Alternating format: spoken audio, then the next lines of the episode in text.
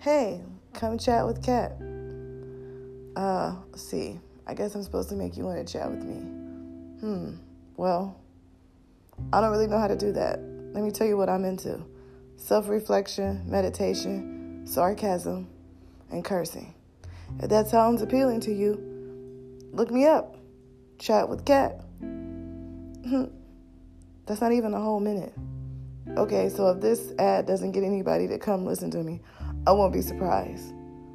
But you never know, it might be some sarcastic, dry humor people out there who finds this message very appealing. You know, I talk about a little black girl magic and a little black boy joy mixed in with real life.